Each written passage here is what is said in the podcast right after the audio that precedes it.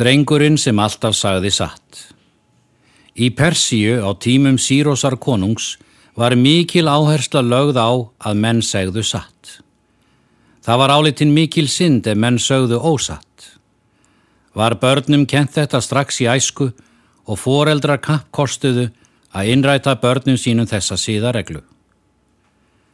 Sagan sem hér fer á eftir segir frá persneskum dreng sem hétt Ótanes. Lögðu foreldrar hans ríka áherslu á að hann skrökvaði aldrei hvað sem á gengi. Fadur hans sagði við hann. Það eru bara hygglar og gungur sem segja ósatt. Og móður hans sagði, sannleikurinn er það fegurst af öllu. Þú skalt ávalt elska hann. Þegar Ótanes var 12 ára gammal, ákvaðu foreldra hans að senda hann til fjarlagrar borgar til að nema við frægan skóla sem þar var. Þar sem leiðin þanga var bæði laung og hættuleg var brugðið á það ráð að senda hann með hópi kaupmanna sem ætluðu til borgarinnar. Vertu sæl, Ótanes, saði pappi hans við hann, er hann kvatan, og myndi að vera hugrakkur og segja ávalt satt. Vertu sæl, sonur minn, saði móður hans, láttu ekkert aftar að þér frá því að ganga á vegi sannleikans. Með þessi kveði orði í farteskinu og fjörtíu gullpeninga falda í fóðrunu á húfinu sinni lagði Ótanes af stað í hinn að laungu ferð.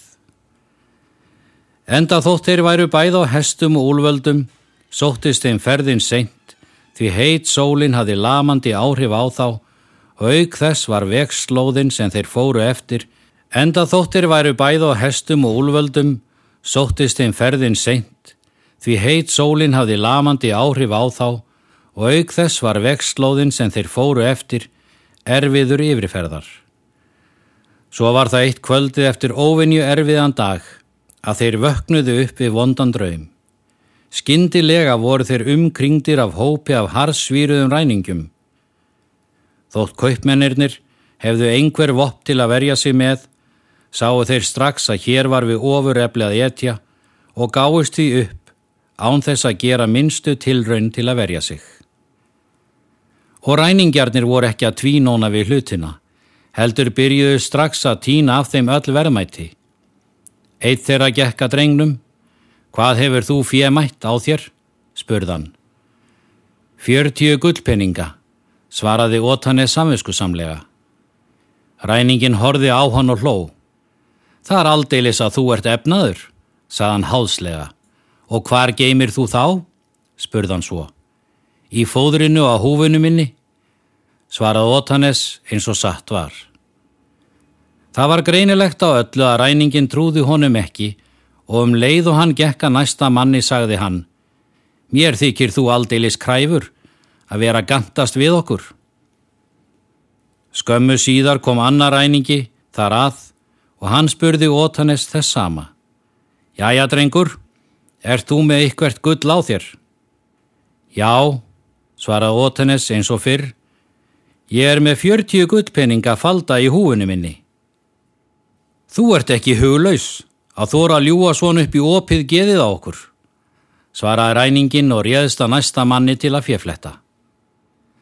Að lokum kom þar að sjálfur fóringi ræningjanna. Hann sagði við Ótanes. Ungi maður, Er þú með eitthvað fjemætt í fórum þínum? Nú var Ótanes alveg nóg bóðið. Já, svara hann hálf reyðilega. Ég er með fjörtíu gullpenninga falda í húinu minni, eins og ég er þegar búin að segja ykkur. Af hverju trúið þið mér ekki? Ræningjafóringin horfi hugsandi á Ótanes og sagði svo. Fáðu mér húuna? Drengurinn hlíti. Ræningjafóringin reyfi faldin á húinni og fann þar gullið undir eins og drengurinn hafði sagt. Af hverju sagður okkur hvar gulli væri að finna? spurði hann. Okkur hefði aldrei grunað að drengur eins og þú væri með þvílík verðmæti á sér og hefðum því aldrei leitað á þér. Ef ég hefði svara spurningu þinni og annan hátt, hefði ég verið að skrökva, saði Ótanes, og það eru bara hygglar og skræfur sem gera það. Ræningjafóringjanum brá í brún við svar drengsins og þótti mikið til þess koma. Honu varð hugsað til allra þeirra skipta sem hann sjálfur hafði sagt ósatt. Hann leit á einlagt andli drengsins og sagði Þú ert hugrakkur piltur og þú mátt halda þínu gulli. Gjörðu svo vel. Og hann rétti ótanis gulli sitt. Nú skalt þú stíga á bak hesti þínum og ég skal sjálfur láta tvo að mínu mönnum fylgja þér þanga sem þú ert að fara. Ótanes varð með tímanum einn áhrifamesti maður landsins og helsti ráðgjafi konunga þess. Það var sama hvert hann fór og hverja hann umgekst, öllum þótti jafn mikið koma til heiðarleika hans og trúmennsku.